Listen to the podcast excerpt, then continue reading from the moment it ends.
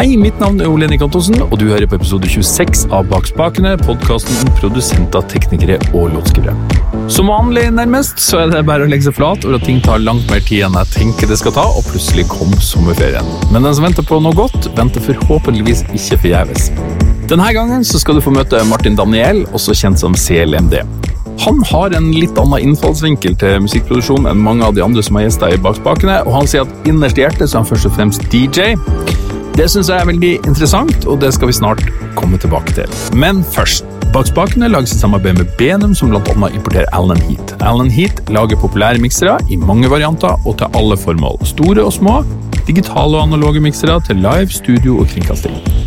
Men i og med at vi snakker med en som egentlig er DJ i dag, og i fall du får lyst til å børste støvet av dine kunster på den fronten, eller lære deg noe nye, så tenkte jeg å opplyse om at Allen Heat også lager veldig fine DJ-miksere i Zone-serien. Her finner du modeller i alle prisklasser, og de største har innebygd lydkort. Likevel så er signalgangen analog, og lyden er deretter. Zone er særlig kjent for sine nydelige filter. Allen Heat sine DJ-miksere er kanskje ikke det vanligste å se i Norge, men jeg har blitt fortalt at i utlandet er det standardutrustning når det stilles de høyeste krav til lyden, og det burde man jo strengt tatt alltid gjøre. Bakspakene samarbeider også med Isotop, som nettopp har lansert en ny plattform som heter Spire. Spire har en egen app for IOS som er gratis i AppStore, og lar deg spille inn åtte kanaler lyd. Appen har smarte funksjoner med automatisk tilpassing til lydkilde og enkel utveksling av prosjekter med andre. Du kan spille inn med mikrofonen i iPhone, iPad eller i proppene dine, og dette fungerer forbausende bra, men om du ønsker et proffere resultat, så kan du sjekke ut Spire Studio Mark 2. Spire Studio er en hardware som kobles trådløst til IOS eller Android-enhet, og gir deg en bedre mikrofon og hodetelefonutgang. Og Her finner du også en preamp som du kan koble andre mikrofoner og instrumenter til. Når du bruker Spire Studio, så får du masse ny funksjonalitet i Spire-appen. Da kan du spille inn med klang, delay, gitarforsterkerstimulering. Du kan sågar gjøre mastering når låta er klar. Spire Studio kan prøves og kjøpes hos Prolyd i Oslo. Appen er bare å laste ned når som helst. Les mer på isotop.com. Så, en siste ting før vi går i gang. Det er ganske lenge siden dette intervjuet ble gjort. Så når vi snakker om koronasituasjonen og festivalsommeren, så kan det virke litt rart i dag.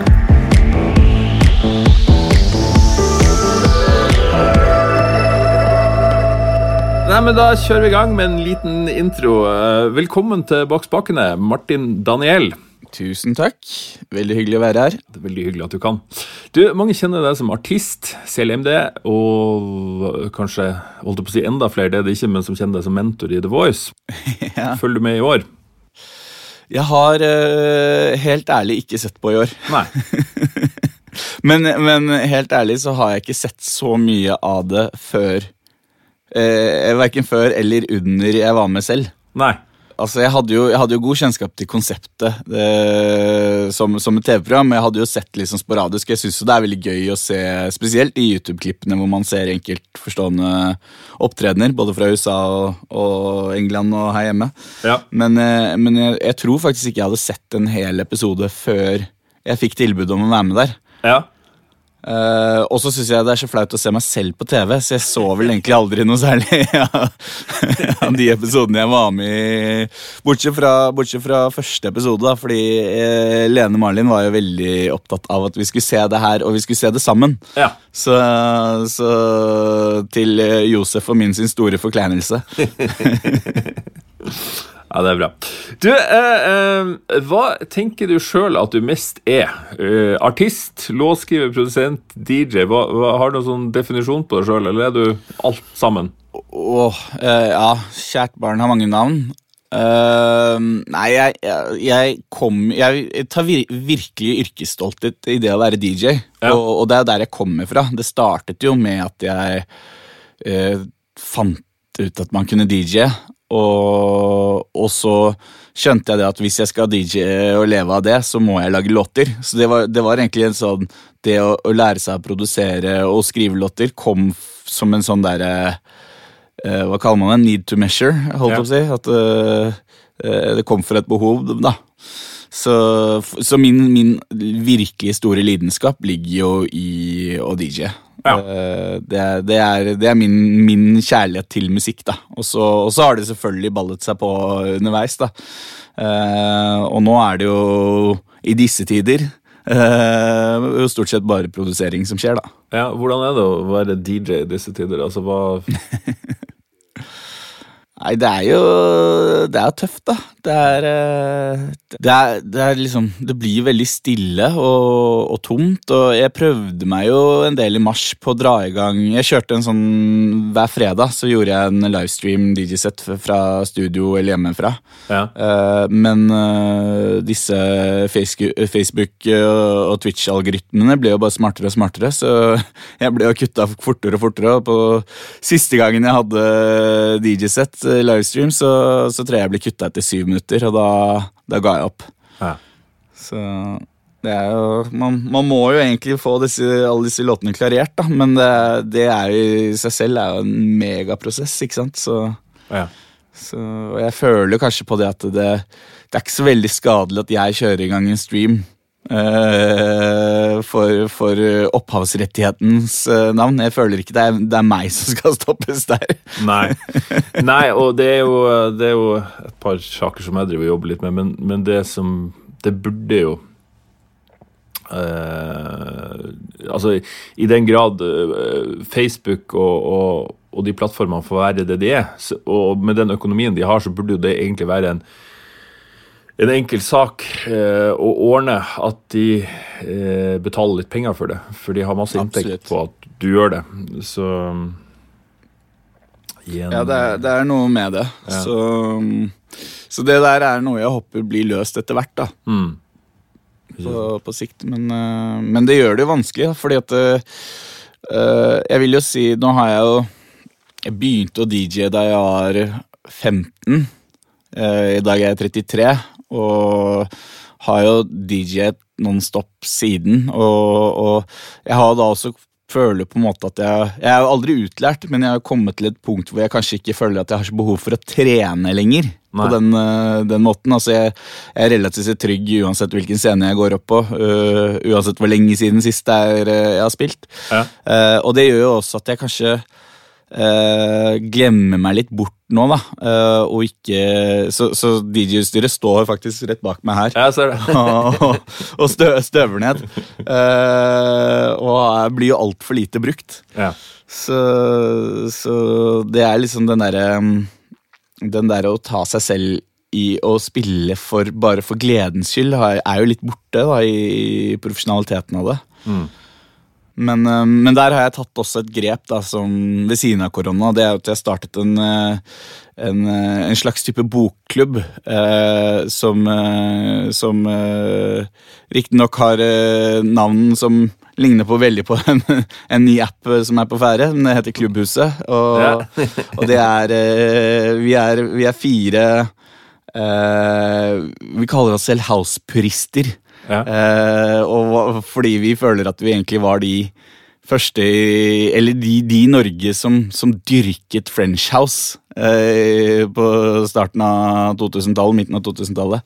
Så vi møtes da en gang i måneden hvor vi, vi alle må ha med seg en French House-låt og, vise til de andre og prøve å finne noe som ikke de andre har hørt ennå. Og så fortsetter vi kvelden med å DJ litt om hverandre, og da, da får man jo den tilbake, den der ordentlige ungdomsgleden av å DJ, da, hvor, hvor, det blir jo litt mer freestyling og, og, og lek, og man tør å tør å utfordre seg selv på det tekniske mye mer enn kanskje man gjør på scenen. da. Mm. Ja, eh, Gå tilbake til det. Altså, du sa du starta å DJ når du var 15. Mm. Eh, før det, spilte du noe instrument eller noe sånt, eller var det Kjent? Nei. Nei? Jeg, eh, jeg er, har alltid sagt at uh, jeg er mer kreativ enn musikalsk. Uh, og kommer egentlig Altså, jeg, jeg, kommer ikke fra en familie som ikke er musikalsk. Pappa spiller både munnspill og, og gitar. Uh, og farfar var en klipper på trompet. Uh, men, men begge brødre, Jeg har to eldre brødre. da, Jeg er skikkelig appåklatt. Så jeg har en bror som er 15 år eldre enn meg, og en som er 12 år eldre enn meg. Og begge ble sendt på piano av mamma og pappa og ga opp med en gang. Så med meg så gadd de ikke å bry seg. så jeg hadde egentlig ikke noe uh, musik musikalsk trening uh, da jeg først begynte, men jeg, hadde, jeg har alltid hatt en stor musikkinteresse. Ja.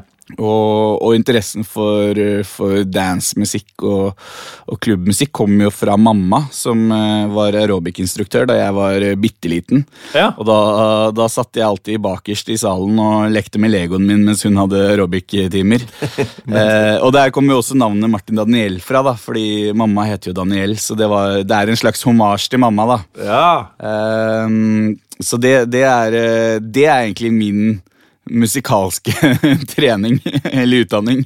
Aer- Aerobic-sal. Ja. Eh, Aerobic-salen, ja. Så det, det er kompatibelt med danseverden, det er det ikke det? jo da, og, og jeg har jo aldri hatt den Altså, der det har skortet på musikkteorien, da, som jeg har på en måte tvunget meg selv til å måtte forstå etter hvert som jeg har gått løpet her, eh, så tror jeg at jeg har alltid hatt en ganske god musikalsk forståelse for i hvert fall hva som passer sammen, og, og hvordan, hvordan sette opp et slags DJ-sett som, som en reise, eller strukturere liksom energier og, og hva som passer sammen, både harmonisk og, og eh, i, i tempo, kan du si. da.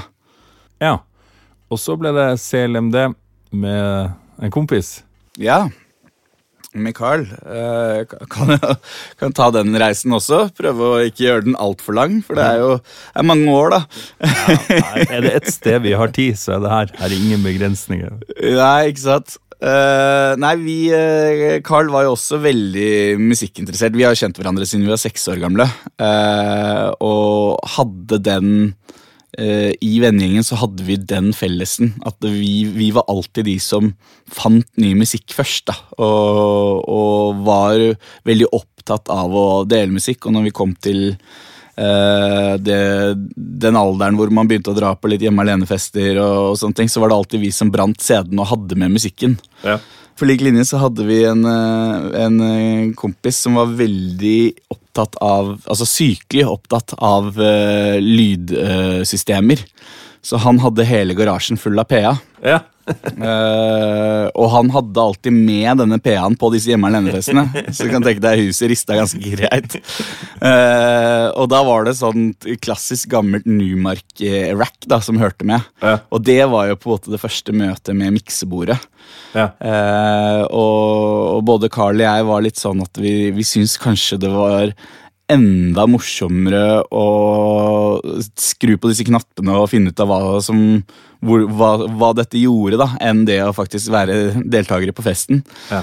Eh, og, og derfra så begynte vi jo den reisen på det som skulle bli CLMD, og det var Carl fikk Cubase til jul av foreldrene sine eh, da vi var kanskje vi må ha vært 16-17. Ja. Eh, og da satt vi jo på promperommet hos han og, og jobbet der eh, og prøvde å lage låter, da. Og, og så etter hvert så Vi var jo, vi var jo vår store helt helt siden 2005 var jo Axwell fra Swedish House Mafia. Og Ja. da vi oppdaget at han jobbet, med, jobbet i Logic, så måtte jo vi selvfølgelig begynne å jobbe i Logic. Så da la vi fra oss eh, Cubase. Da, da røyk julegaven. ja.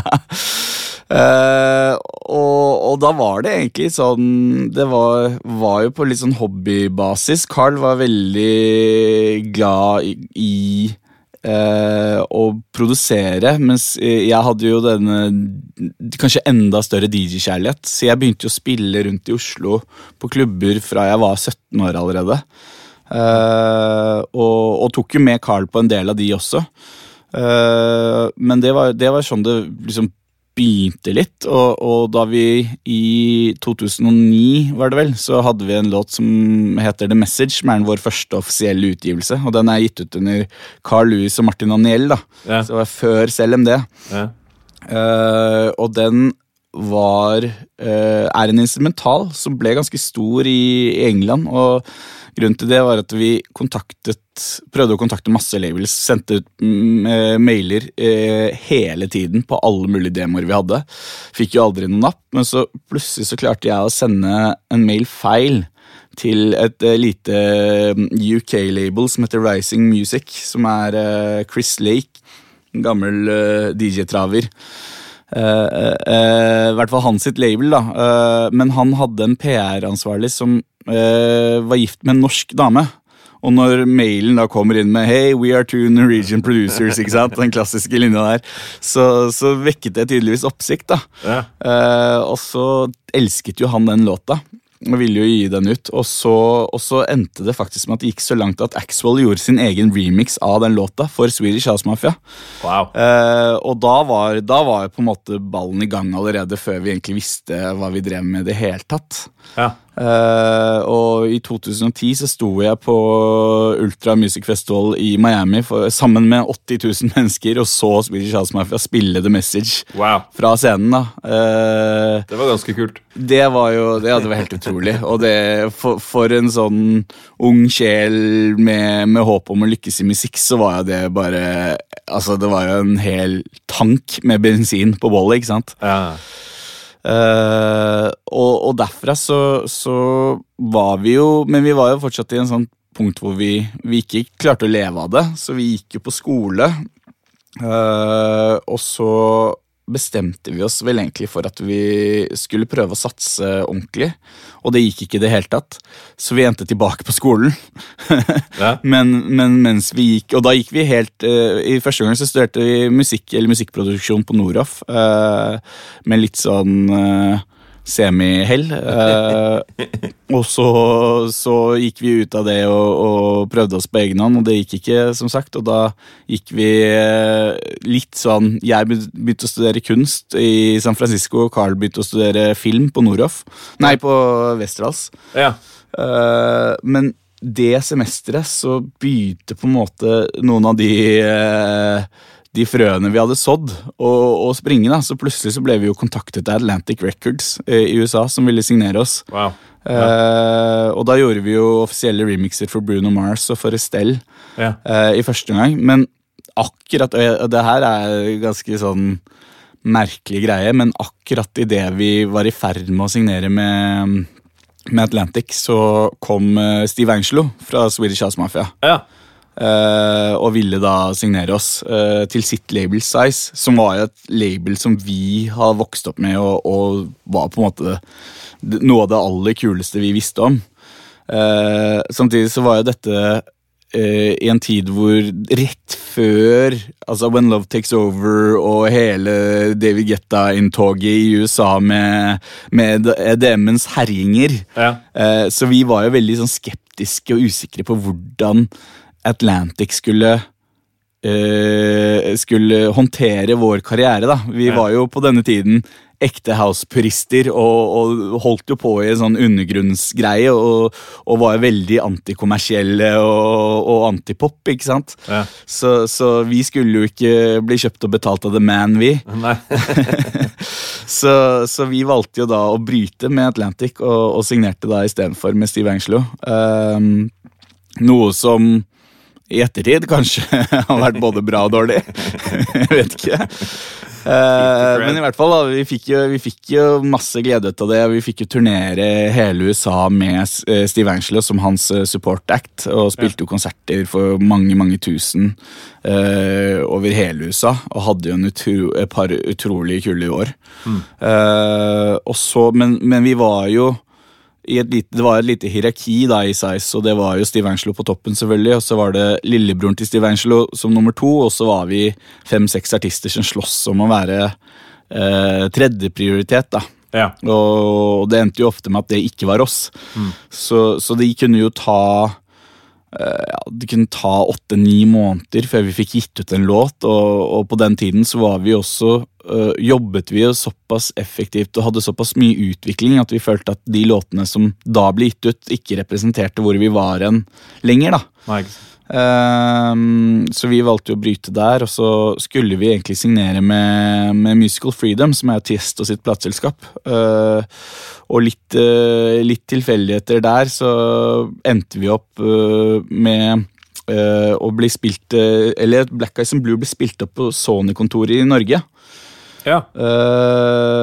Fordi eh, en av de ansatte der er jo god venn av Eller han, han jobbet jo der tidligere, men han er jo god venn av Tiesto, så han skulle hjelpe oss inn.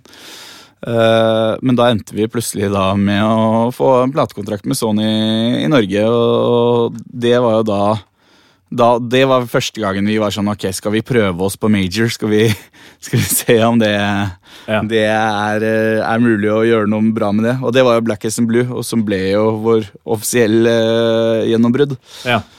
Ehm, og så var det jo Flyttet vi jo til New York da også for å prøve lykken derfra. Og jobbet jo derfra, og det, det var jo litt sånn den derre eh, Amerika-effekten, spesielt her hjemme.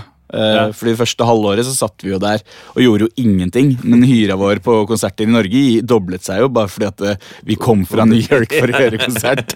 Flydd inn. ja, og vi gjorde, jo- vi gjorde jo både Slottsfjell og HV det året, og jeg tror ikke det er mange artister som har, eh, har Og vi var til og med headlinere på, på HV. Så det, jeg tror ikke det er så mange artister som har spilt både Slottsfjell og HV samme år. For det er jo, var jo egentlig direkte konkurranse. Men øh, ja. Og da var låta Stockholm Syndrome ute. Det stemmer. Så det var jo på en måte oppfølgeren der, og det, det var jo på en måte første gullalder for, for CLMD-prosjektet, da. Ja. Uh, og veldig, veldig kul reise. Uh, men det var jo også en, en bakside i det, og det var jo det at eh, ja, Som nevnt, så var vi, vi er jo ekte purister i hjertet. Og, Ja. og jeg tror nok også at veldig mye av det som fulgte med eh, den type kommersiell suksess, da, eh, ikke satt så godt eh, Egentlig ikke hos noen av oss, men kanskje spesielt hos Carl.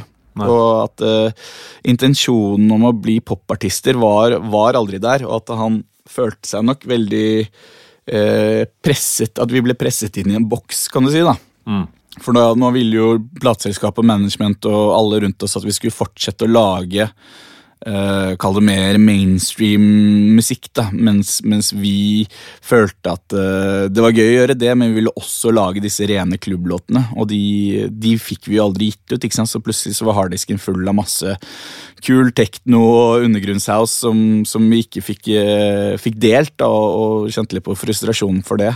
Ja. Og det var jo også litt av hovedgrunnen til at Carl valgte å tre ut av prosjektet. Mm.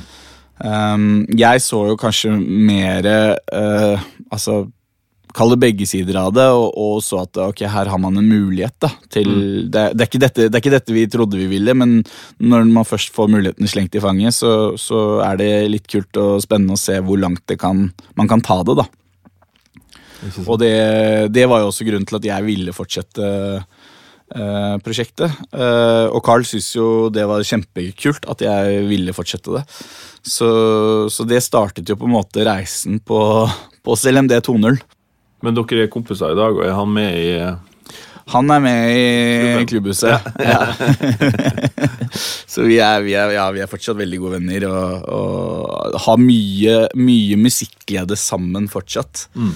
Uh, og, og er litt sånn er, vi, vi føler jo at det er veldig få som egentlig er så opptatt av kanskje uh, så nisjesjangrete som det vi er, da, rent sånn lyttemessig. Så, så vi har ikke så mange å, å dele med, så vi holder på de, de få vi, vi vet om som, som deler den samme entusiasmen. da.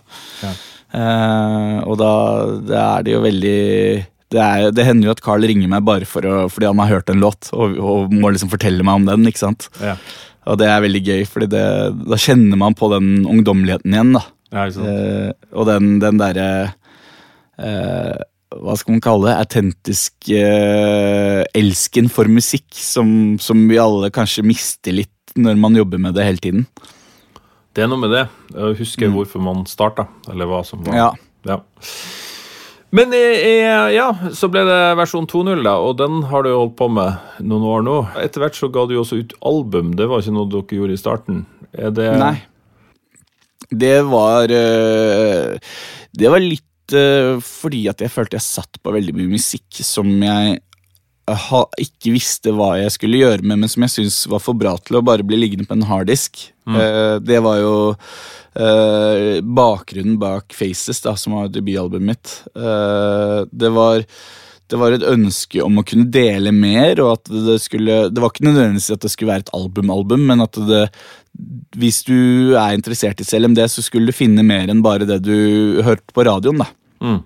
Uh, så, sånn at man Kall det et dypdykk i, i CLMD-universet. Ja. Eh, og, og det var veldig gøy og veldig givende å gjøre det, og det var også veldig forløsende å få gitt ut, fordi at jeg følte at jeg, jeg begynte å treffe en sånn kreativ blokk da, på at man, man hadde så mye musikk liggende som man ikke visste hva man skulle gjøre med, og da, da ble det vanskeligere og vanskeligere å starte på nye prosjekter, syns jeg.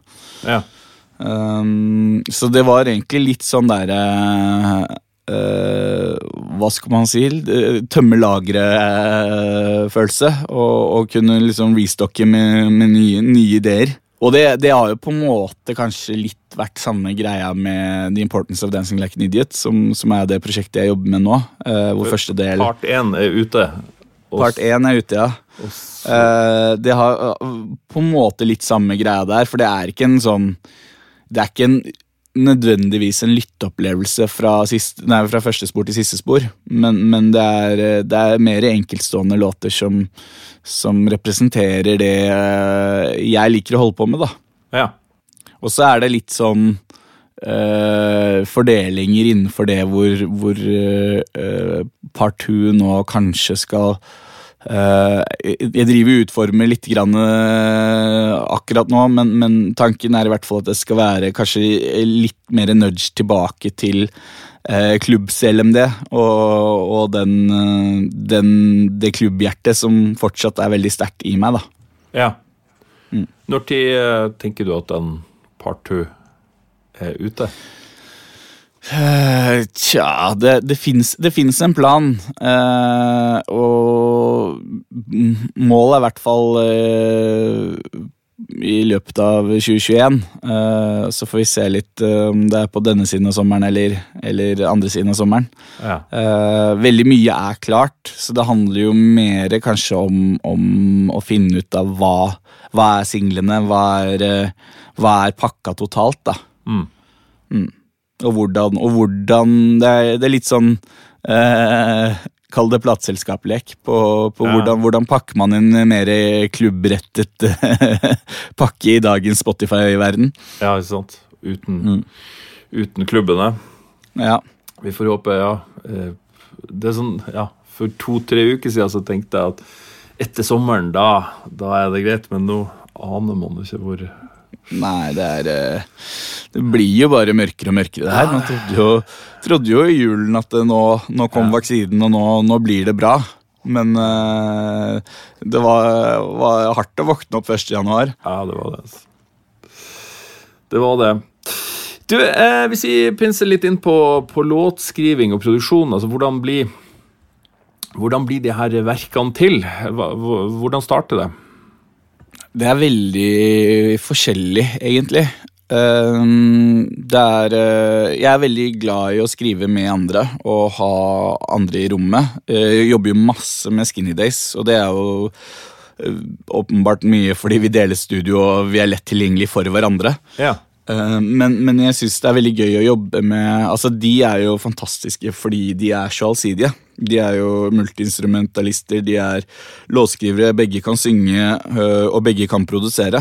Så, så de, de kan på en måte jeg kan, jeg kan bruke de veldig som poteter da, Ja. i, i prosessen, og, og, og at vi også kan uh, ofte ha litt sånn roterende studio, hvor den som har ideen, hopper på Mac-en og, og fyrer av type ting. da. ja. Uh, og også at de kan bidra og hjelpe meg som da ikke er, er noe instrumentalist, og kan spille, spille litt gitar og litt bass og, og sånne ting når jeg trenger det. da. ja. Men selve prosessen starter Altså Ofte nå så jobber jeg ut ifra det at jeg får, får mye toplines tilsendt. Uh, og jeg har alltid, alltid jobbet på den måten at eh, Eller i starten så var det veldig mye beats og lagde instrumentaler som jeg sendte til topplinere, og så, og så skrev de tekst og melodi på toppen av det. Nå har det jo på en måte blitt så vokalfokusert i Altså EDM eller house eller dance eller hva man vil kalle det, er jo blitt veldig pop. ja. Så, så, så det er jo veldig mye mer vokalfokus kontra før hvor det kanskje var mer bare ett av mange instrumenter. Uh, så jeg syns det er veldig deilig å, å jobbe ut ifra en topline, en, og, og om det så bare er en demo, men, men liksom bygge, bygge en idé rundt det, og så, og så uh, gå tilbake og skrive om og, og endre, endre i ettertid, da. Ja. Um, så ellers så, så starter vi jo fra scratch her i studio og, og skriver med, med forskjellige låtskrivere, og da, da er det jo ofte å finne en eller annen uh, kordrekke man, man syns ikke høres oppbrukt ut. ja. Det er lett. ja. også, men, men også sånn eh, Altså, jeg gjorde et track her eh, i ja, Var det i, i november, hvor eh, jeg hadde hørt en um, Disclosure Doa Mali Mali, heter den. Uh, som er en veldig sånn UK uh, garage house-vibe. Og syntes den var så kul. Uh, så, så jeg satt og choppet en, en uh, perk-loop med noen high-hats og noe greier. Eh, og så fikk en sånn, ja, sånn two-step UK-sving på det, da. Eh, og da var det grunnlaget for, for låten. Og så kom, kom liksom inn en litt sånn Juno-aktig synt uh, riff på det, og så plutselig så, så var, det, var det låt på gang. Ja. Så, så det, det kan jo starte i, i den enden også. Toppmodellen av Ellen Heat sine DJ-miksere heter Zone 96. Der får du 6 pluss 2 kanaler, der hovedkanalen har firebands analog EQ. Den har altså to velutstyrte auxiliturer med trebands EQ og to innebygde 12-kanals USB-lydkort. Du kan altså hooke det opp mot to laptoper samtidig. Rosinepølsa er filtrene med Alan Heat sin grunge-krets, som gir deg deilig dist akkurat der det trengs. Filtrene har selvfølgelig kontroller for frekvens og resonans, så de kan switches om mellom høypass, båndpass og lavpass. Sjekk det ut på benum.no. Hvilke program jobber du i? Er det fremdeles Logic? Nei, faktisk ikke. Um, fordi jeg har, jeg har alltid hatt uh, Ableton uh, på grunn av den time warp-funksjonen til Ableton. Ja. Så, så ofte da jeg skulle lage um, uh, Kall det DJ-sets til radio og sånne ting, og tenkte å, å, og var på farten, ikke hadde DJ-utstyr tilgjengelig, så, så syns jeg det var greit å bare bruke Ableton, fordi der kan du jo timestretche og få liksom BPM-signaturene til å bli eh, riktige hele veien. da Ja. gjør jobben veldig mye lettere. Uh, så jeg har alltid hatt Ableton uh, liggende, og så var det ja, det er kanskje fire-fem år siden nå, hvor jeg hadde en sommer hvor jeg var sånn Jeg var helt uinspirert og tom og, og klarte ikke å, å gire meg selv opp for å lage musikk. Og så tenkte jeg nei, men shit, nå skal jeg bruke tiden på å lære meg Ableton. Ja. Og, og satte meg Det tok en uke da hvor jeg bare liksom Nå, nå, skal, jeg få, nå skal jeg slutte å irritere meg over at jeg ikke kan key commands og Ja, de tingene der. Og så, og så skal jeg kunne det, og så fant jeg ut at uh, Ableton er mye diggere å jobbe i enn Logic. I hvert fall på, på måten jeg jobber på, da.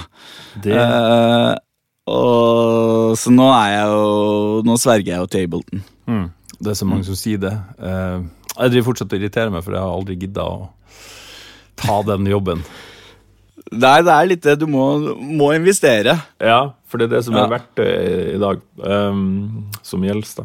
Men spiller du noe Du har litt synter og litt ymse her sjøl. en, en Moog Sub 37 er det du har, og en Ja. Det, det, uh, spiller, spiller du i noe særlig grad, eller trykker du, eller hva, hva gjør du? jeg, jeg lite grann, men uh, jeg har jo på en måte tvunget meg selv til å lære meg litt sånn basispiano. Uh, jeg har også prøvd etter beste evne å lære meg mest mulig musikk for Eller altså teoriforståelse, da.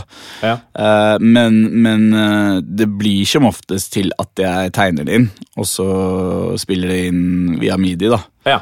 Uh, syns jo det er enklest bare fordi eh, da føler jeg at jeg har kontroll.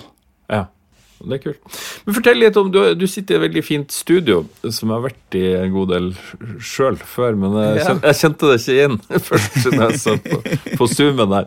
Eh, nei, hva, hva er det å fortelle om her, da? Det er uh, Vi har jo, vi har jo holdt opp å si tre slash fire rom. Uh, som, som Skinny Days jeg deler, da. Og da har vi et hovedrom, kontrollrom, kall det hva du vil. Og så har vi en proggesuite. eh, og så har vi eh, vocal boot og hytta, da, som vi kaller det. Ja. Hytta er egentlig en skrivesytte som er, eh, er tiltenkt at der skal det ikke noe skjermer inn. At man, man liksom kan jobbe litt sånn skjermfritt og bare, bare med ideer både på tekst og melodi og, og klimpring på gitar hvis man trenger det. Ja. Ehm, så, så, og det er egentlig veldig sånn fint oppsett som funker veldig godt for oss, fordi at eh, vi De som Den som har session, da, og, og Skin Days har jo veldig mye sessions, Øh, øh, fordi de skriver jo primært for andre. Ja. Ehm, de bruker da hovedrommet, og så, og så sitter jeg ofte her i proggesuiten og programmerer, da, for det er det jeg, jeg gjør mest. Ja, ja. Så, men, så, men så roterer vi på det etter alt etter som behov, da. Og det, det er en veldig sånn fin løsning, og, og gjør jo at det blir en del rimeligere for oss å holde på også. Ja, ikke sant? Og det er altså det i, um, i Skippergata, i det som het Fat Ja, Cat. gamle- het, gamle eh, Fat Cat. Ja, og en haug med studio før det. Det har vært Ja, studio der siden krigen. Jo Ja, i hvert fall siden 50-tallet. Ja. Så det er jo mye, mye historie. Ja. bygget har jo ikke blitt pusset opp siden 50-tallet, så alle trappene er jo skeive. Altså, ett hardt vindpust, og hele bygget faller sammen. men, eh, men studioene som er her, er jo kjempefine. Det er jo, Jeg tror det er ni studioer jeg, totalt i, i Ja, komplekset. Sant. Men det går mot slutten der også, for det skal skje ting, eller Ja, det sies så. Han øh, som eier kjappa her, han øh, har veldig ønske om å bygge leiligheter. Uh, og Derfor også tror jeg at han nekter å pusse opp. For at, øh, jeg vil vel tørre å påstå at det ikke er forsvarlig å leie ut i sånn som tilstanden er nå. Men han, han klinger vel på et lite håp om å få, få muligheten til å få, få endret på det her. Da. Og, så leie er jo et år av gangen maks. Um, så vi får, eh, vi får håpe på at det, det holder litt til. Ja, ikke sant. Hvis ikke så er vi husløse igjen. Hvem, hvem andre er det som sitter her nå? Ja, det Skal vi se. Jeg er jo ikke helt sikker på alle som uh, sitter her, men Tormod Løkling sitter her. Og så sitter uh, Lemetre-gutta sitter i døren ved siden av oss, sammen med Sammen med Bearson og Jerry Folk. Så det er, vi er liksom elektronikahjørnet. Ja. uh, og så er det Sitter jo han eh, Mojilla i, i det hovedstudioet nede. Um, og han eh, Nå står det helt stille for meg. Pluto. Som ehm, har gjort de uh, Issa-låtene, blant annet. Nettopp. Så det er liksom Det er, eh, det er elektronika på toppen, og så er det hiphop-gutta i bånn. Ja, ja, ja. Sånn det skal være. Um, men er det, noe, er, det, er det noe som blir noe samarbeid ut av at man sitter sånn, eller er det bare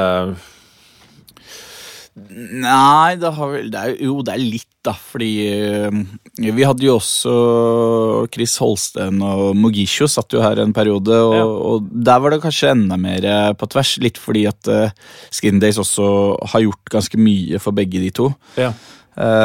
Men, men det blir fort litt sånn Kan du komme og spille, spille litt uh, funky bass på dette, eller, eller eh, trenger noe gitar eller noe backing vocal her. Så, så det har vært litt sånn flyt mellom rommene. Men det er stort sett mest kanskje kaffepausen da, og den, den praten som, Ja. som blir altså watercooler talk, rett og slett. ja.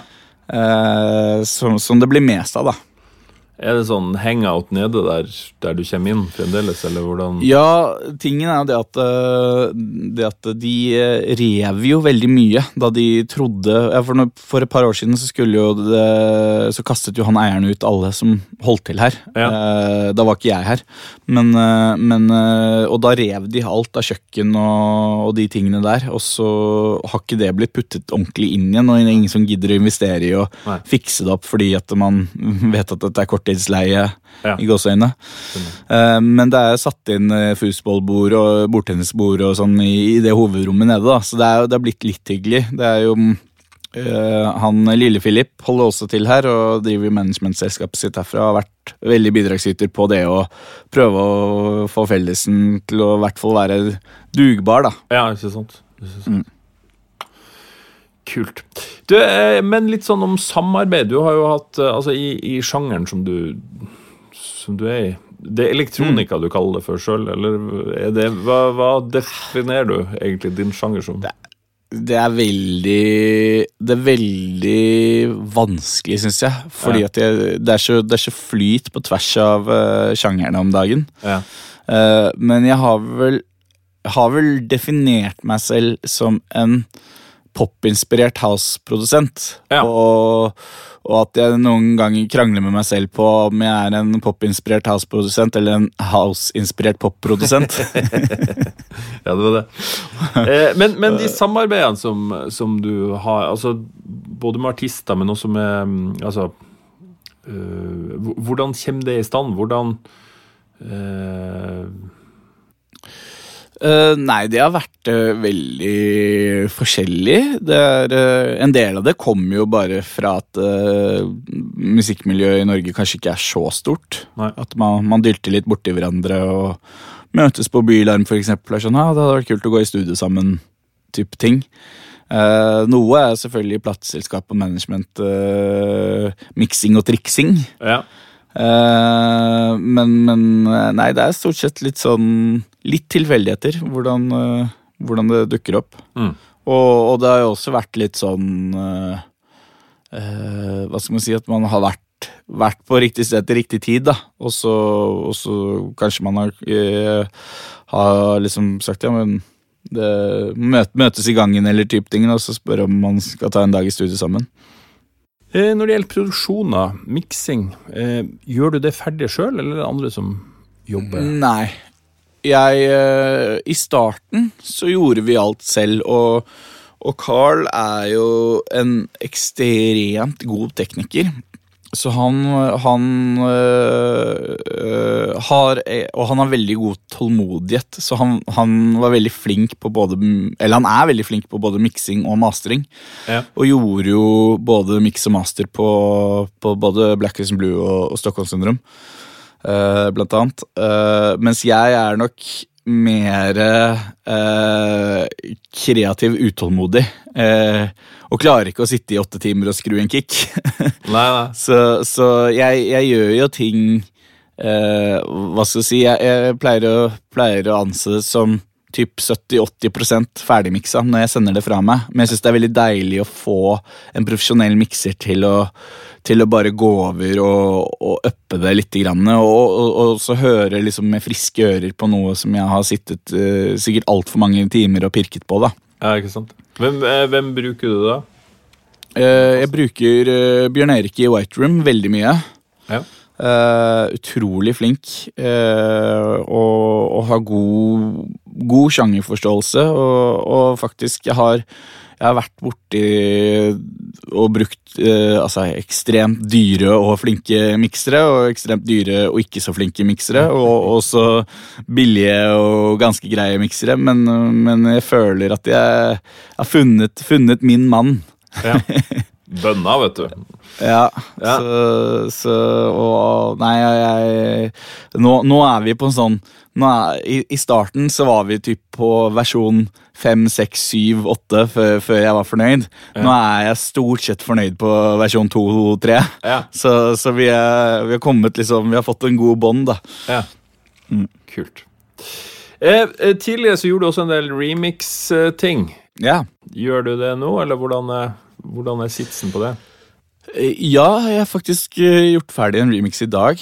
eh, Som skal komme veldig snart. Jeg vet ikke om jeg kan si av hvem eller hva eller hvor, eh, så det tør jeg ikke. Nei. Eh, men men Nei, jeg gjør litt, men, men det er blitt sånn der at remixer får jo veldig lite Altså, vi, er, vi har kommet i en sånn verden hvor, hvor alt styres av Spotify, og hvordan Spotify-algoritmene virker i den ene eller andre favøren. Ja. Og, og remixer får veldig lite gjenskinn i disse Spotify-listene. Og da, du har selvfølgelig alltid unntaket som uh, dukker opp og blir en verdenshit, men, men uh, remixing har jo er jo uh, relativt sett dyrt, da. Både når jeg selv skal prøve å få andre til å remixe mine ting, og, og også når jeg blir spurt om å gjøre det, så, så er det litt sånn derre uh, det er blitt sånn lite sånn kost-investeringsspørsmål, og, og, er det vits? Og, og, sånn sett så føler jeg på en måte at remix-sjangeren er i ferd med å dø litt ut. da. Mm. Noe som egentlig er litt synd. Uh, fordi det er jo helt klart at det, det skjer jo at eh, det kommer noen remixer som, som, på en måte upper en kanskje semigod låt, og så plutselig så er det noe sensasjonelt der. Men, men det blir liksom ikke plass og rom til det. Og så og så er det litt sånn derre uh, Vil man investere tiden sin på å sitte og remixe når man kan sitte og lage originallåter som ja, i hvert fall har større sjanse til, til, å nå fram. Da. Mm. Og også rent i det økonomiske aspektet av det, av, av, å leve av musikk, så, så, er det på en måte det å prioritere levebrød, da. Ja, ja. Man må jo, må jo leve. Ja. Man må det.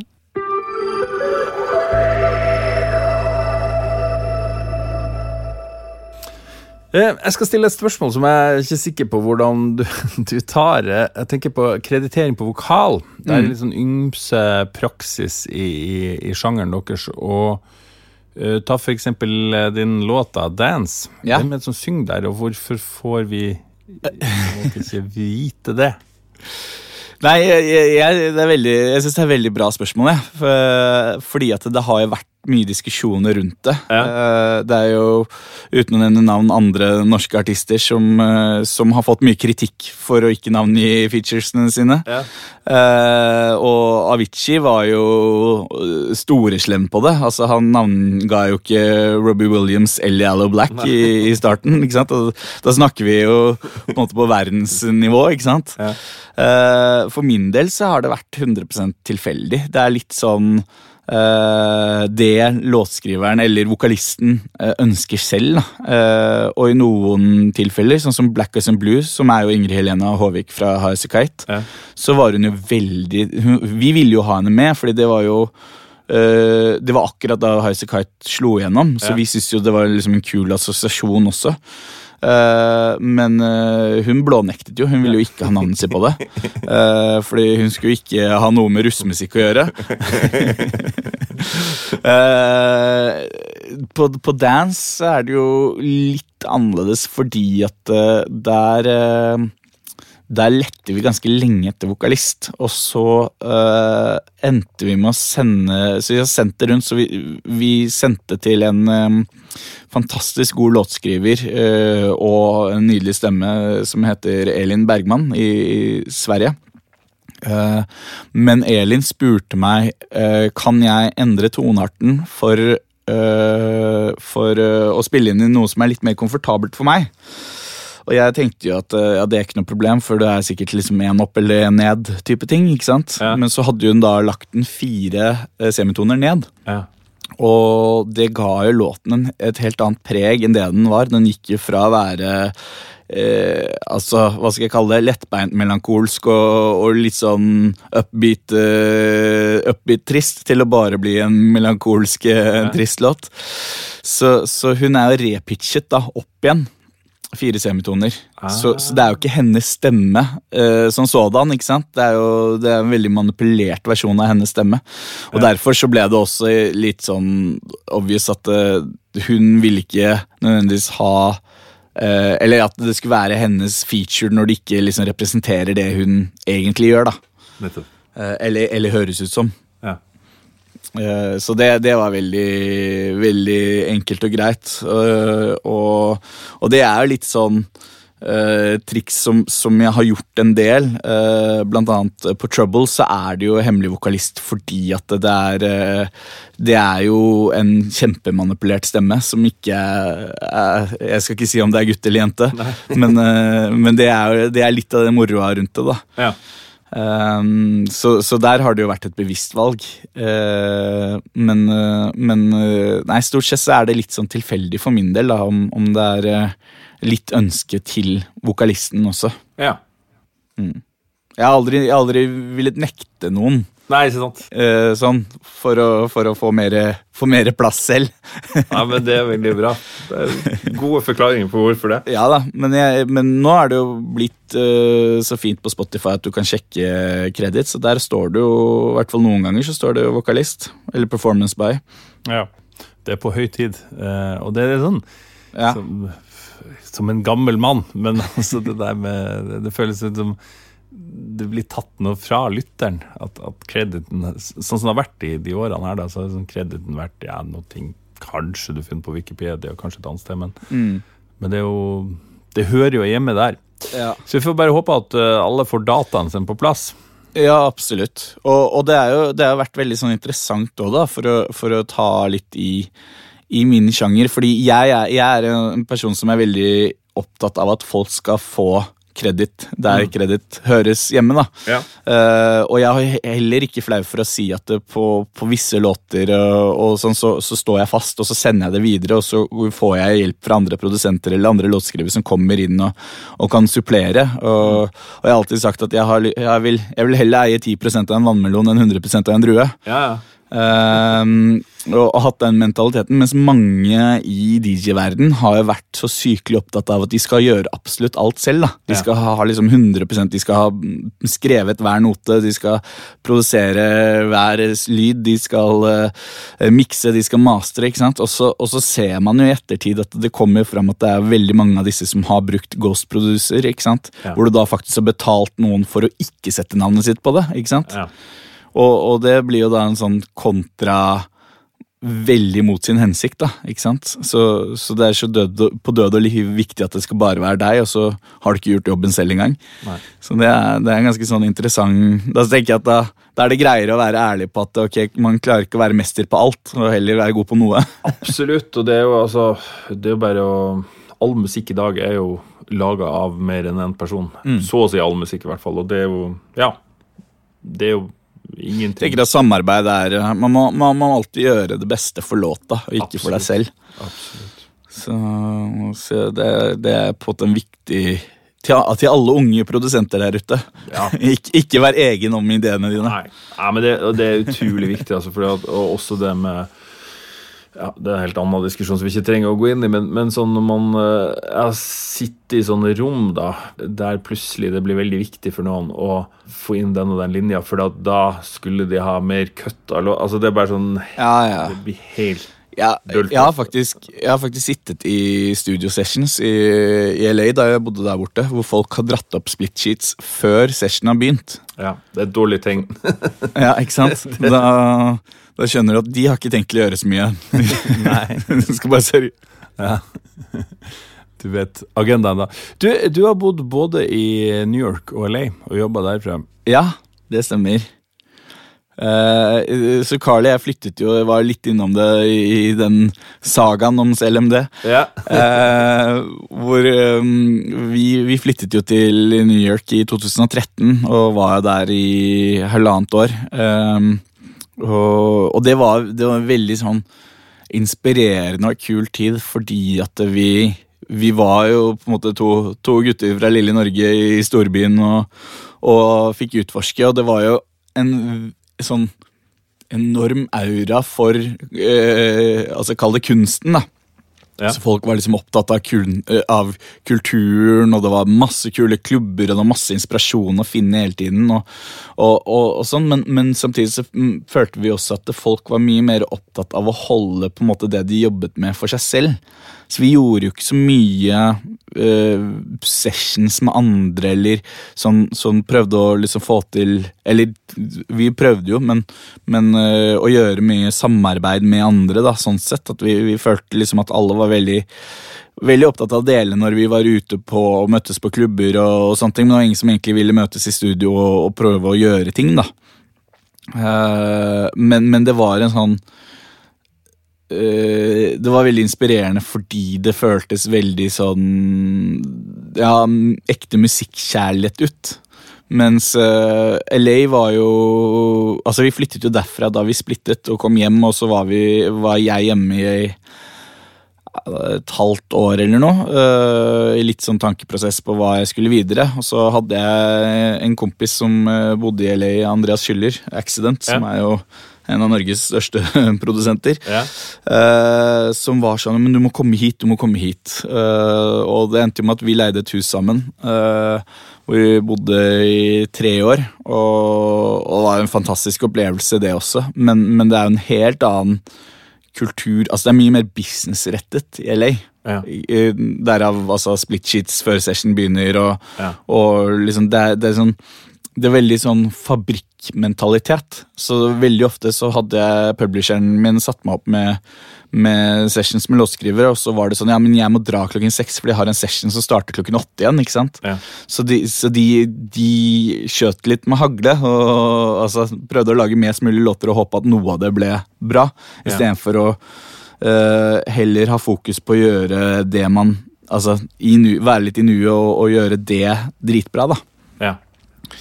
Eh, så jeg, jeg likte ikke helt den måten å jobbe på, og, og jeg syns jo Uh, altså Jeg fikk jo utrolig mye kule muligheter og fikk jobbe med veldig mange store navn. Og sikkert låtskrivere som, som jeg egentlig aldri hadde hatt sjanse til å kunne jobbe med ellers, men, men fant aldri den uh, viben. da.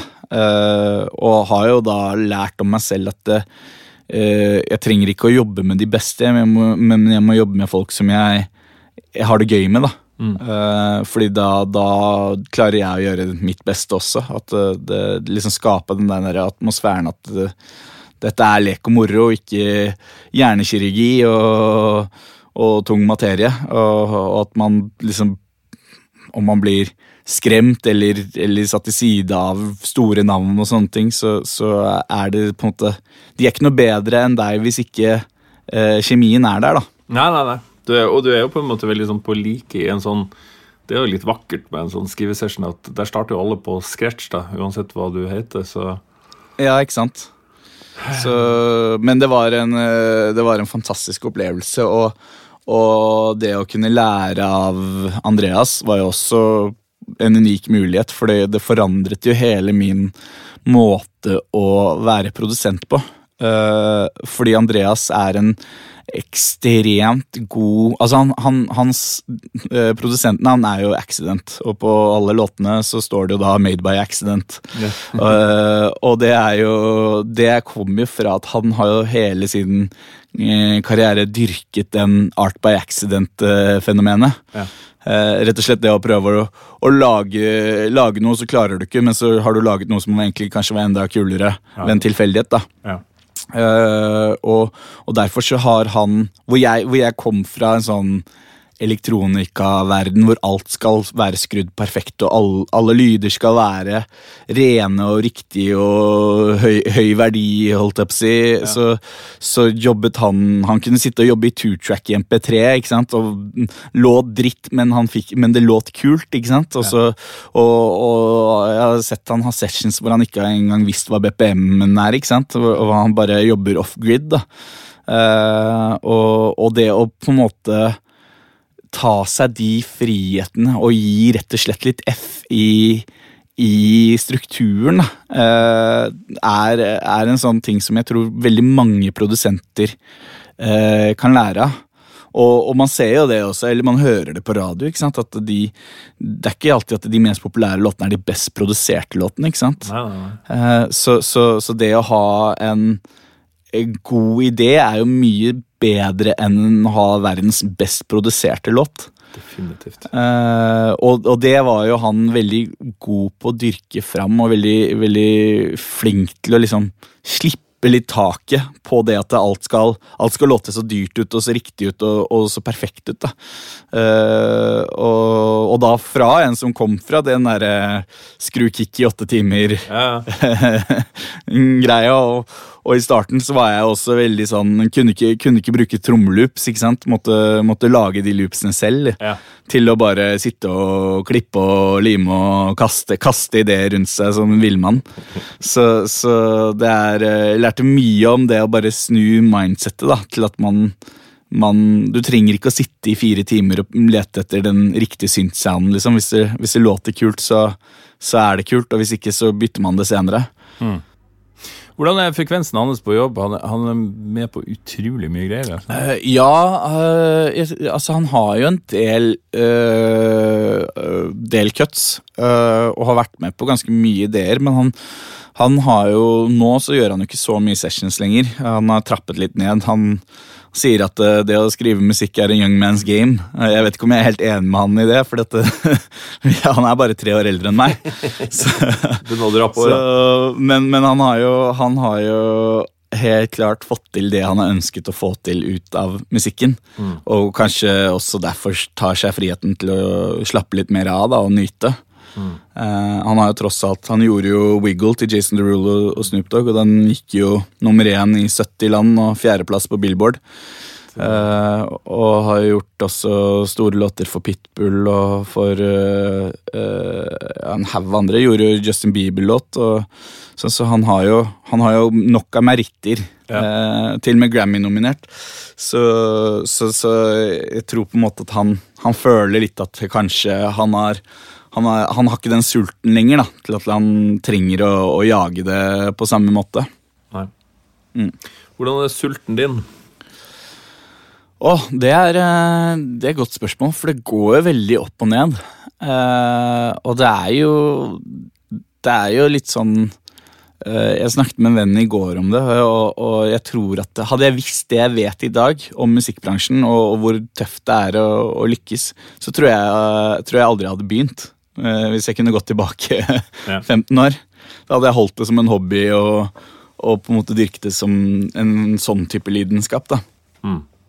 Eh, så, og, og jeg merker jo det at eh, eh, jeg har jo ikke den samme Altså, jeg, jeg er ikke like flink til å presse meg selv ut av komfortsonen nå som det jeg var for fem-seks år siden. da.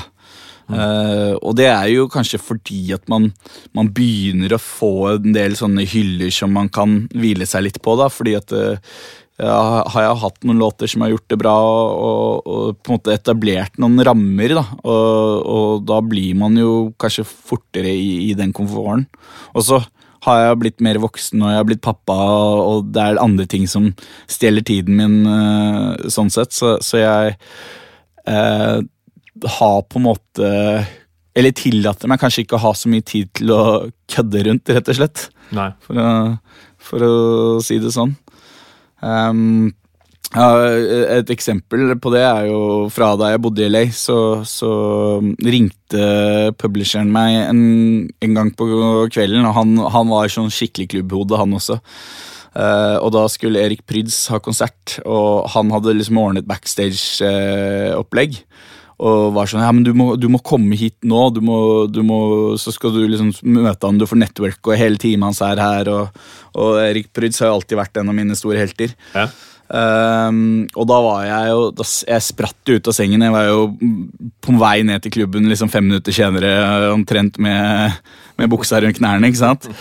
Uh, og, så, og så hadde jeg liksom en lignende situasjon nå i fjor, var det vel. Uh, hvor liksom Jeg har egentlig liksom samme greia. var sånn, Ja, men hvis du kommer hit nå, så kan du få møte liksom hele teamet og, og, og sånne ting. Eh, og da var jeg sånn Nei, jeg tror, jeg tror jeg sover videre. og det er liksom den der den derre uh, Si det der, der kanskje den edgen eller den hungeren har forsvunnet litt. Da, at det, for, for et par år siden så, så ville jeg kanskje gjøre hva som helst. Ikke sant? Bare for kanskje-muligheten. Mens, mens nå så kanskje man eh, analyserer at de, de sjansene er kanskje ikke Altså, de er ikke verdt like mye lenger, da. Uh, um, kan du si at man Jeg vet ikke om det er en, det er en sånn Naiviteten forsvinner litt, grann, da.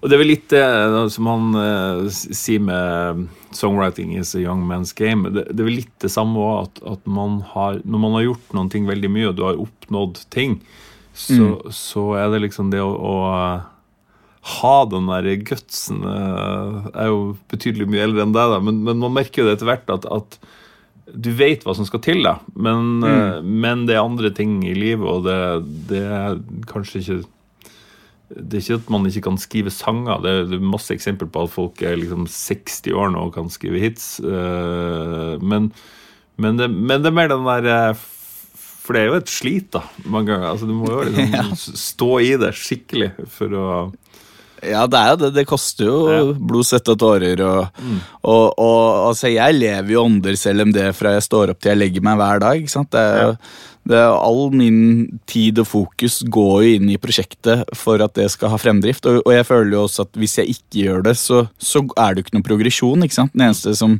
kan drive dette framover, er meg. Ja. Så, så, så det på en måte det, det blir jo sånn at det, du må jo nedprioritere veldig mye annet, ikke sant? Og, og det, det koster, da. Så, så det er jo liksom de, de tingene man må sette opp mot hverandre hele veien, da. Eh, men jeg har jo alltid, alltid sagt det at en av de tingene som man uh, trenger for å lykkes i musikkbransjen, er jo naivitet. Ja. Uh, og, og for meg så var det jo sånn ikke sant? Jeg tenkte i starten at hvis jeg fikk en, fikk en låt på iTunes, da, da begynner det å skje ting. Ja. Ikke sant? Og så fikk man en låt på iTunes, og så var det kanskje ikke så stort. Men, men så var det ja, men hvis jeg blir spilt på radioen, da, da, det jo, da får jo folk hørt musikken min. Og så ble jeg spilt på radioen, og så var det kanskje ikke så stort. Og, så, og sånn har det jo på en måte gått hele tiden. Men det du, du får liksom nok Du får nok nudge til at du har lyst til å fortsette. da Ja. Um, og, og den er jo det Men den har jo på en måte litt tak også. Og når man da har holdt på i 10-15 år, så, så vet du at det, du begynner, du, tankegangen din snur seg litt. Grann, for det blir liksom Men hvis jeg får til det, så mest sannsynlig så skjer det ikke så veldig mye mer, egentlig. Men, men jeg har fått til noe mer, ikke sant? Ja. Men, eh, men det fins allikevel sånn lite håp at ja, dette kan bli breakthrough. da å jage, jage drømmen, ikke sant. Og, og det er Jeg husker Tommy Akerholt, eh, Tommy Manboy, som er trommis i blant annet Turboneger, fortalte meg eh, Det er et par år siden sa han det at eh, av alle mine venner som fortsatt driver med musikk, så har alle lykkes. Ikke sant? For alle andre har jo gitt seg. Så, Ja. så det er jo bare ikke sant? For han er jo den alderen, ikke sant? Ja. Så, så, så, så det er jo ikke Det er jo alle andre som ikke har fått det til, har ikke hatt tid eller ønsket nok å prioritere det. Nei, nei. Så, så det er, jo- han sitter igjen med kun de som, de som klarer å leve av det da, og har, har lykkes. Mm. Uh, og jeg syns det var egentlig var en sånn veldig fin måte å tenke på det på. Da, at uh, Så lenge man ikke gir seg, så har man lykkes. Det er sant. Og, og at man, man Fordi man fortsatt jager drømmen, da. Ja. Det er, jo- det er veldig gøy, men det er jo også sånn Apropos det, så er det jo litt sånn øhm, Det store antiklimakset i dagens øh, koronaland, da. Eh, fordi eh, så, så for min egen del, som har jo jaget eh, Altså, jager jo hits hele tiden, men, men har på en måte kanskje fått en viss forløsning gjennom Dance, som har blitt en såpass stor låt, uh, ikke bare i Norge, men, men også nedover i Europa. Ja. Og, og fått inn mye som, som jeg har på en måte prøvd å bevise for meg selv at jeg har kunnet uh, i veldig, veldig lang tid. Eh, så har jo dette skjedd i en koronapandemi hvor jeg ikke har fått spilt konserter. Jeg får ikke noe respons fra publikum. Jeg, jeg kjenner jo ikke suksessen på kroppen i det hele tatt. Nei. Og jeg sitter jo her i dag og kjenner ikke at jeg har hatt noe progresjon siden 2019. Og imellom der så er det noe og 70 millioner streams ikke sant, som ligger imellom. Og, og det, er, det er så merkelig, da, for jeg, jeg sitter og kjenner på sånn enormt antiklimaks for suksess. Du har blitt lurt. Eh, ja, jeg har blitt litt lurt, og, og da sitter jeg Så jeg har hatt en sånn eh, Jeg har hatt en litt sånn eh, demotiverende periode i den forstand at eh, jeg har tenkt litt på Er det dette jeg liksom jobber og sliter så jævlig for? Mm. Er, det, er det dette som liksom er i enden av regnbuen? Det, det, er, eh, det er en veldig merkelig følelse. Samtidig så må man på en måte hele tiden bare minne seg selv på at det er, det er situasjonen, og ikke nødvendigvis eh, at dette reflekterer det det, det ha, er å ha en suksessfull låt. da. Eh, men men det, er, det er klart at det er eh, det, det, har, det har truffet ganske hardt, hele den uh, pandemien i den forstand også. Men eh, eh, keep up the spirit, for det må jo bli noe sinnssykt bra fester når, når det er Ja, det er jo det, det, er det man sitter og håper på, da, at eh, folk, eh, folk er sultne på fest når, eh, når dette er ferdig. Og, og det, er jo, det er jo litt sånn Jeg har tenkt uh, i, Sett i norsk skala, da, så er det jo, er jo en ting det det jeg har vært så heldig å få til med dance, men jeg har tenkt mye på sånn som Cezinando, da, som, som kom jo med tidenes album. Ja. Uh, og hadde jo sikkert hele sommeren dekket med festivaler. Uh, og ikke få muligheten til å turnere det og på en måte melke den suksessen. Og, den der, og, det, ja. ja. ikke sant? og dessverre er det jo slik at uh, publikum endrer seg jo etter, etter hva som hva som er nytt. da. Så, mm. så, det albumet er ikke like aktuelt om det skulle bli en festivalsesong i år. Nei. Eller så han får, han får, aldri han får aldri utnyttet det å ha et suksessfullt album og, og turnere på den måten. da. Mm. Uh, og det, det, er jo, må jo være en veldig kjip følelse. Uh, for det er jo ikke selvskrevet at man, man lager suksessfulle album hver gang. Nei. Det er kjipt. Men, eh, men, men heldigvis så, så, bor det jo mye musikk i, i, mange, og forhåpentligvis så kommer det mer som er bra.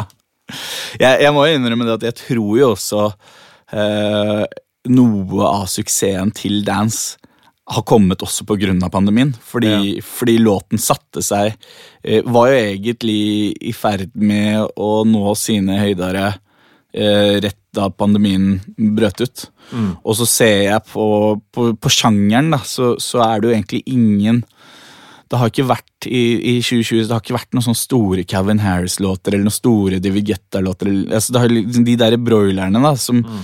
som, ofte kommer og er liksom sommerhiten som alle hører på, de, de har jo uteblitt. Og, og, det er nok kanskje litt fordi folk ikke får de derre Altså satt minner til musikken. da Mm. Uh, og at det er jo, det er jo selvfølgelig Det fins et par unntak i, i, det der, men i stort sett alle liksom dance-låter som har blitt sluppet i 2020 post korona, uh, har jo ikke hatt suksess.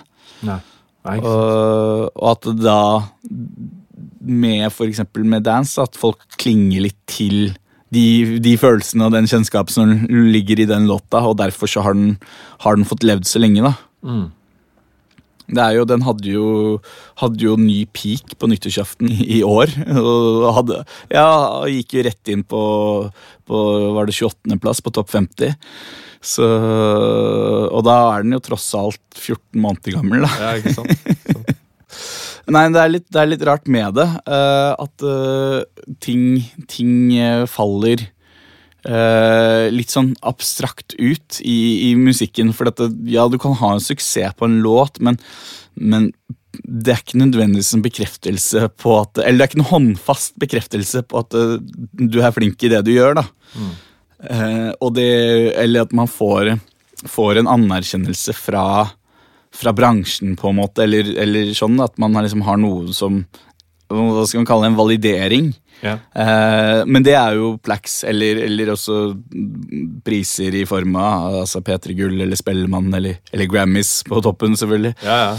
Uh, men, men det, er, det, er, så få av de, så det er ofte at man i hvert fall jeg kjenner på at det er liksom, hva er det jeg egentlig driver med? Er det noen som egentlig får med seg det her? Og så, så vet du at folk lytter på musikken din, men allikevel, det er, det er så abstrakt konsept da, at jeg syns liksom det, det å få et plekk i hånden er veldig sånn her, her, har du et diplom som ja. sier at du, du ja, har gjort noe riktig med livet ditt. liksom. Men det er noe med det. Altså, det er, skal ikke kimse av den. Noen er jo veldig sånn at uh, bryr seg ikke om priser og, og, de tingene der, og så kan det hende at de sier det for å være kule, eller hva det nå enn skal være, men for, for, min del så føler jeg at det, det, er liksom, det er de håndfaste knaggene jeg har underveis, som, som sier at uh, Som i hvert fall gir meg validering til å kunne si at jeg kan fortsette med dette uten å være idiot. Mm. For, for, for, det er jo noen ganger at uh, jeg sitter med meg selv og tenker sånn altså, Lever jeg en drøm som ikke som, altså, Eller jager jeg en drøm som egentlig er helt uoppnåelig? Burde jeg egentlig ta meg selv i nakken og si at uh, jeg burde ha mer selvinnsikt til å, til å klare å finne på noe annet, liksom? Uh, men så får man jo litt sånn Ja, det, det, går jo litt opp og ned med, med gode og dårlige dager, selvfølgelig. Mm. Hvis du skulle drevet med noe annet, hva, hva hadde det vært? Uh, jeg drev jo med alpint på ganske høyt nivå Ja. i, i ungdomstiden. Ja, og, og var vel egentlig litt sånn uh, Altså, jeg var på aldersbestemt landslag og, og, og kjørte jo med veldig mange av de som er på landslaget i dag. Ja. Eh, og føler jo på sett og vis at jeg, jeg kunne jo kanskje med, med nok motivasjon og, og vilje gjort det ganske bra der òg. Så det er nok den sterkeste sånn der eh, Hvis jeg skulle levd et annet liv. Ja. Samtidig så, så var jeg jo med på den um, Peter hadde sånn karriereveilederpodkast for noen år tilbake. Hvor Ja. de hadde fått inn noen av Norges beste karriereveiledere da, til å veilede oss musikere. eh, Som, og det var et par andre gjester som da ble analysert for å se hva, hva vi kunne ha drevet med. Ja. Og, og da var det helt klart å jobbe kreativt da, og, og, og jobbe med skaping av noe, da. Eh, og, der, uh, og der er vi jo tilbake egentlig til det jeg nevnte innledningsvis, med at jeg jeg har sett på meg som mer uh, kreativ musikalsk. Eh, og at det egentlig kanskje handler litt mer om tilfeldigheten. At det var på det tidspunktet at jeg oppdaget DJ-ing og, og, og musikkproduksjonen etter det. eh, at det var liksom det der energien min gikk inn. Men at det egentlig kunne vært video eller film eller maling eller design eller egentlig hva som helst. da. Mm. Jeg har en kjempeforkjærlighet for, eh, for klesdesign. Og bruker mye tid på å øh, prøve å for, i hvert fall forstå den bransjen og, og sette meg inn i det. For jeg, det er helt klart en, en verden jeg tror jeg har lyst til å utforske den dagen jeg, jeg føler meg mettet på musikk. da. Men det er lenge til. Eh, noen umiddelbare planer fremover nå? Kanskje litt teit spørsmål? Den sitsen vi står i. Men. Nei, det er jo Vente, vente på at folk blir vaksinert. Ja. Vaksine. Ja, det er eh, Det er eh, Det er studio, da. Eh, og, og skrive og prøve å bygge opp en konto med, med masse fine låter. Eh, slik at eh, jeg ikke trenger å jage låter i det øyeblikket man kan jage konserter. Eh, så det er, det er litt sånn eh, motivasjonen der. Samtidig så er det jo er tøft å være inspirert i dag, da. Det er jo, man har null input, ikke sant. Så, så det, er, det er litt sånn eh, Jeg føler litt at jeg koker suppe på gamle bein. Men, eh, men eh, jeg har nå prøvd å ta litt sånn grep på å finne andre måter å være kreativ på for å prøve å eh, Hva skal jeg si Spark det Altså sette i gang gnisten via noe annet, da. Hva gjør du da? Eh, nei, det kan være eh, sitte og male eller prøve å skrive Eller skrive tanker, da. For, for liksom bare Prøve å finne liksom utløp for ting. Og nå har jeg jo en ettåring, da, så vi, vi bygger jo Duplo mye, da. Det bra. Men, men, men det er liksom det bare å, å, å prøve å stimulere hodet eh, litt på, på andre måter. Eh, og så har jeg en, en kompis som driver et uh, norsk klesmerke som er i ferd med å, å relanseres, så jeg har uh, hjulpet han litt med det, da. Og, og prøvd å, å bare, egentlig bare også for eh, altså Apropos klær og design, men, men lære. Men, men også å, å bruke huet litt annerledes, da. Kult. Du, øh, nå begynner det å bli bra, tror jeg. Er det, er det noe mer? Er det noe mer du har på hjertet som du gjerne vil få ut i bak spakene? Så, så har du muligheten, da. Nei, jeg tror, jeg tror ikke det i første omgang. Jeg håper du har fått svar på alt du lurer på og mer til. Kjempebra svar. Ja, men Så bra. Ja, men da tror jeg jeg sier tusen takk for praten. Ja, takk for praten. Det var Martin Daniel. Som sagt introen så er det ganske lenge siden det her ble spilt inn, så noe av praten er litt prega av tida da. Eh, Denne episoden lages i samarbeid med Benum og Isotope. Tusen takk til Benum som gjør det her mulig, og sjekk ut Spire-plattformen på isotope.com. Hvis du har iPhone eller iPad, kan du laste ned appen gratis i dag og teste den ut. Kulturrådet har støtta denne sesongen av Bakspakene, så tusen takk til dem. Hvis du ønsker å annonsere i Bakspakene, så er det bare å sende en e-post til post at bakspakene.no. Mitt navn er Ole Henrik Antonsen, og klok av skade så skal jeg ikke annonsere tidspunkt for neste episode, men jeg håper det i alle fall ikke er så lenge til. Ha det bra!